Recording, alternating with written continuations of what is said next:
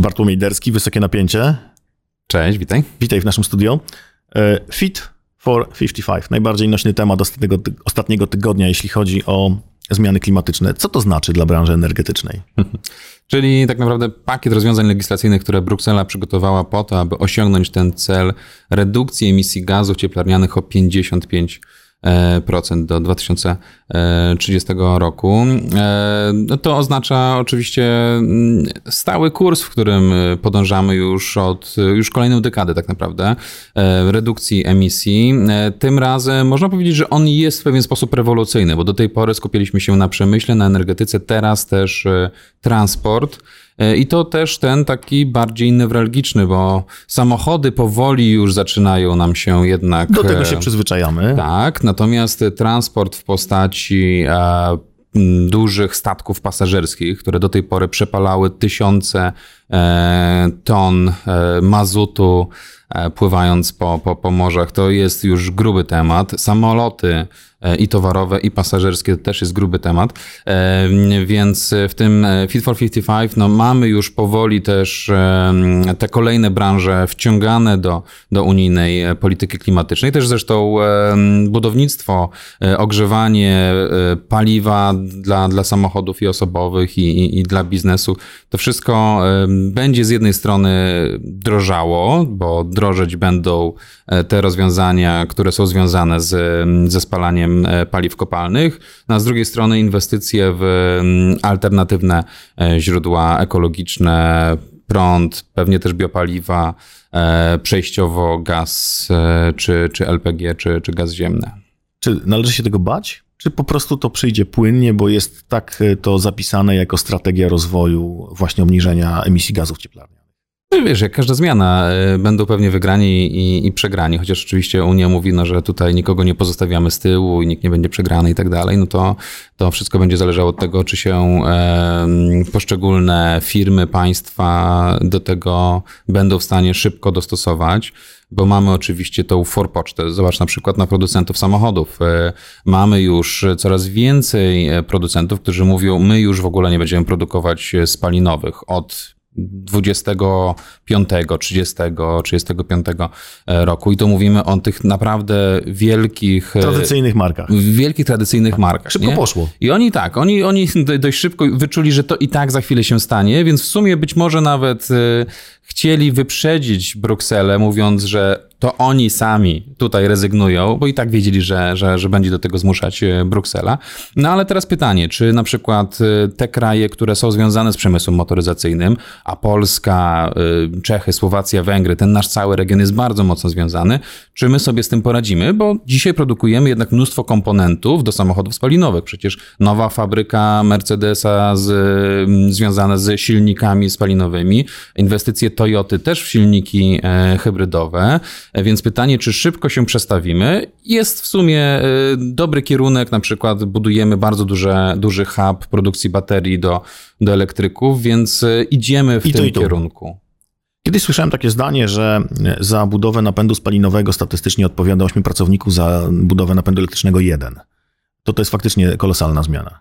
No właśnie, to, to oczywiście niemieccy producenci cały czas do tej pory powtarzali, żeby zniechęcać Brukselę. Teraz przypuszczam, że zmieni się ich narracja i będą mówili, że no w sumie to nie jest tak źle, bo też nie będą chcieli denerwować swoich związków zawodowych, więc to się pewnie będzie, będzie trochę zmieniać, ale z pewnością tu będzie ubywać części pracowników, dużo mniej części wchodzi w skład te, przecież samochodu spalinowego.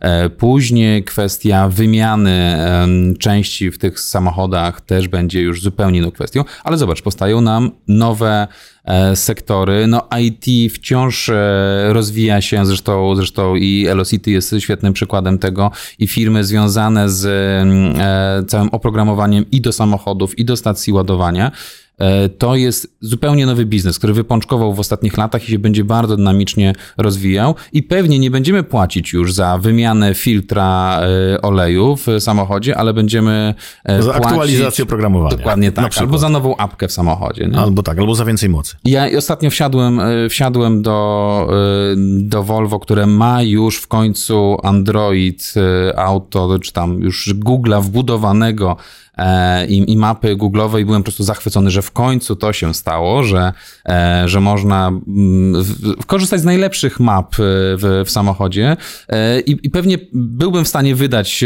na to jakieś, jakieś pieniądze, co no, na pstryknięcie palcem producent może mi dostarczyć za całkiem niezłą kasę. No tak, bo to jest komfort, bo to jest przyjemność z jazdy, dzięki temu, że mamy łatwiejszy dostęp do faktycznie do tych systemów nawigacyjnych i masz najlepsze mapy, to prawda. Zostańmy jeszcze na chwilę przy motoryzacji. Jak polska energetyka jest gotowa do tego, żeby dostarczyć e, faktycznie prąd do takich ilości samochodów elektrycznych, które mają się pojawić na polskich drogach, bo na razie to nie jest problem. Znaczy, my dzisiaj e, z punktu widzenia e, firmy, która buduje infrastrukturę, widzimy to, że wąskim gardłem często są moce w budynkach poszczególnych. I to jest dla nas pewien problem, który, który umiemy już rozwiązywać. Natomiast globalnie tak naprawdę nikt jeszcze w skali kraju nie rozważał takiej liczby samochodów elektrycznych. Wiesz co, już tak, tylko, tylko te, te raporty są pewnie zbyt fachowe, żeby jakby się mocno prze, przebijać do mainstreamu, ale na przykład polskie sieci elektroenergetyczne, czyli ten państwowy monopolista odpowiedzialny za sieci najwyższych napięć, bezpieczeństwo energetyczne kraju de facto, opublikowały kilka miesięcy temu strategię do 2030 roku z perspektywą do 2040 roku i pokazują tam e, swoje przewidywania co do liczby aut elektrycznych i też co do zapotrzebowania na moc tych, e, tych samochodów. No i perspektywa 30 roku to elektryki wciąż tam jeszcze oczywiście nawet przy milionie mm, e, elektryków mają minimalne znaczenie. E, dużo większym wyzwaniem w najbliższych latach będą na przykład pompy ciepła, które już bardzo intensywnie się rozwijają w ślad za fotowoltaiką, bo to się do tej pory bardzo ładnie łączyło. Elektryki tam na razie to jest margines, ale już 2040 rok już je wyraźnie widać, ale wciąż mówimy o zwiększeniu zapotrzebowania na moc o kilka procent. Więc nie jest to totalny game changer e, i nasza energetyka no, nie upadnie z tego powodu, natomiast na pewno trzeba będzie się dostosowywać do, do, tych, do tych zmian. I one znowu mogą być e, pozytywne albo negatywne, zależy jak podejdziemy do tego tematu. Generalnie możemy spać spokojnie, ale trzeba mieć rękę na, na pulsie i przyglądać się temu, co się, co się dzieje. No bo już teraz powinniśmy rozwijać tak naprawdę inteligentne sieci, inteligentne rozwiązania związane z ładowaniem, bo nie jest problemem dostarczenie odpowiedniej ilości energii w ciągu roku, bo możemy. Fotowoltaika jest już dzisiaj tak tania, e, farmy wiatrowe są już na tyle tanie, że możemy produkować dwa razy więcej energii elektrycznej niż, e, niż dzisiaj za relatywnie nieduże pieniądze. Problemem jest to, że oba te źródła są zmienne i trzeba e, albo magazynować energię, albo nią zarządzać. I teraz, jeżeli elektryki wejdą nam bez żadnych inteligentnych rozwiązań, będziemy je ładować wtedy, kiedy nam jest wygodniej, to się może okazać, że będziemy mieli e, duży problem w systemie elektroenergetycznym, a odwrotnie, jeżeli byśmy to zrobili inteligentnie, i wydaje mi się, że w tą stronę idą projektowane w tej chwili zmiany w prawie energetycznym, to te elektryki będą nam pomagać właśnie w e, zdejmowaniu tych nadwyżek produkcji energii z fotowoltaiki czy z wiatru, kiedy są warunki, i odciążaniu sieci, kiedy tych warunków pogodowych e, nie ma. Więc e, one się będą pewnie dobrze wpisywać, jeżeli tylko mądrze podejdziemy do sprawy. To ciekawy wątek. My jesteśmy i technologicznie, i biznesowi gotowi do tego, żeby obsłużyć takie ładowanie w, w najbardziej korzystnych warunkach. E, to, to, to ciekawy punkt. E, czyli nie boimy się tego, a właśnie mówiłeś o magazynach energii. Czy to jest przyszłość w Polsce, czy Polacy też, tak jak wydaje mi się, szybko przekonali się do fotowoltaiki? Przekonają się, przekonają się do tego, żeby mieć magazyny energii? Ktoś będzie kiedyś myślał o tym, żeby mieć off-gridowy dom? Wiesz co, ja już, ja już mam e, znajomych, którzy myślą o tym, już, w zasadzie już szukają e, na, na, na, na portalach gdzieś tam e, sprzedażowych, na przykład używanych baterii z, z Leafów choćby, bo ich jest już po prostu trochę na rynku i, i jest w czym w tak, czym można pozyskać. Można, można je już pozyskać, można je zintegrować. Na razie jeszcze ta integracja to jest wydatek wciąż nawet kilku tysięcy złotych, żeby, żeby tą baterię wykorzystać na potrzeby domowe. Dzisiaj to w niektórych przypadkach już może zacząć się opłacać, jeżeli e, dość tanio kupimy tą, tą baterię, natomiast e, w przyszłości e, będą nas zalewać tak naprawdę te, te używane baterie. Rozwinie się też cały ekosystem związany właśnie z ich integracją z domem, więc to na pewno będzie bardzo istotny temat, więc myślę, że po tej fotowoltaice, po tym boomie, jaki teraz mieliśmy, w tej chwili już rośnie nam boom związany z pompami ciepła i na pewno kolejny etap to będzie był związany z magazynami energii. Czyli będziemy mieli samowystarczalne domy, albo przynajmniej w dużej części. No właśnie, albo one będą off-gridowe, albo będą przynajmniej bardzo dużo energii zużywać we własnym zakresie, czyli ta autokonsumpcja będzie dużo większa niż do tej pory. Mówiłeś baterie jako banki energii, zużytych, zużyte baterie, czy wycofane baterie z samochodów elektrycznych, ale sam samochód też może być takim elementem bilansowania domowej energii. No już, już mamy oczywiście y, wiele projektów. Na Renault rozwija mm, takie, takie projekty badawcze na, na, na, na kilku y, wyspach. Y, Porto Santo, tak. Bretonii. Nissan ma też swoje projekty, ale na razie zobacz ten, te trzy firmy Renault, Nissan, Mitsubishi, w sumie dzielące się tą technologią, one rzeczywiście w, w obszarze e, vehicle to grid e, są zaawansowane i mają jakieś rozwiązania. Nie udostępniają ich na razie klientom z ulicy, testują to, to wszystko. Natomiast e, mam wrażenie, że albo reszta koncernów bardzo mocno trzyma te ordery przy piersi i nie chce nic pokazać, albo zostali w tyle i, i na razie nie rozwijają tej technologii, na, na, popyt na nią będzie na pewno bardzo, e, bardzo duży w, w ciągu kilku lat, więc, e, więc to też będzie ciekawy wyścig, techno, wyścig technologiczny, nie tylko jeżeli chodzi o osiągi, wielkość baterii, ich wagę, ale też ich wykorzystanie właśnie w integracji z siecią. Właśnie, e, to może się tak okazać, że nawet jeśli te koncerny nie mają własnych rozwiązań, to bardzo szybko je kupią, bo na rynku motoryzacyjnym te mariaże często są zupełnie niewidoczne dla, dla kierowcy, a tam się okazuje, że w zachodniej marce jest japoński silnik albo odwrotnie i czego, czego byśmy normalnie, nawet mentalnie nie przypuszczali, mm-hmm. że mhm. może być gdzieś taka technologia ukryta. E, tak, to na pewno ciekawy wątek. Mm, e, ciekawy jest wątek też wodoru. Który, który będzie chyba coraz bardziej obecny, prawda? Z jednej strony mamy samochody bateryjne, które mogą być tak jak, y, tak jak mówimy, w przyszłości elementem infrastruktury energetycznej, y, tak wodór też pomalutku pewnie będzie się pojawiał. Myślę, że tak. Oczywiście y, przy dzisiejszych technologiach ten, ten nakład energii potrzebny do pozyskania zielonego wodoru jest, jest ogromny, więc one, jak popatrzy, wodór, jak popatrzymy na, na ten bilans energetyczny, to oczywiście jest dużo mniej opłacalny od samochodów bateryjnych. Natomiast pamiętajmy o tym, że ten przyszły miks energetyczny będzie wyglądał zupełnie inaczej niż dzisiaj, czyli będziemy mieli gigantyczne nadwyżki energii z OZE, wtedy kiedy dobrze wieje i dobrze świeci. E, i ta energia będzie musiała zostać jakoś zużyta, więc e, to, że mamy efektywność na poziomie 20 czy 30% e, pewnie przestanie być barierą, bo, bo, bo bez generowania gigantycznych nadwyżek nie pokryjemy też tych niedoborów, jakie mielibyśmy wtedy, kiedy warunki pogodowe są dużo gorsze. No właśnie, to miałem, jeszcze mam takie pytanie do ciebie, czy ten pakiet, który, który jest ogłoszony teraz, czy on też będzie dążył do tego? Czy te zmiany też będą dążyć do tego, żebyśmy obniżyli trochę zużycie energii, czy tylko żebyśmy przerzucili ten ciężar mikstu energetycznego na OZE? Nie, tam, tam jest oczywiście cały czas y, Unia e, ma cele zarówno w zakresie zmiany miksu energetycznego i w zielonym kierunku, jak i poprawy efektywności, ograniczania zużycia energii w ogóle.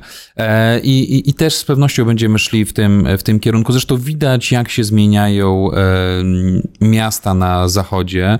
Samochody na przykład są coraz bardziej wypierane przez dużo bardziej efektywne energetycznie rowery na przykład, albo e, ewentualnie e, elektryki, ale te osobistego e, wykorzystania.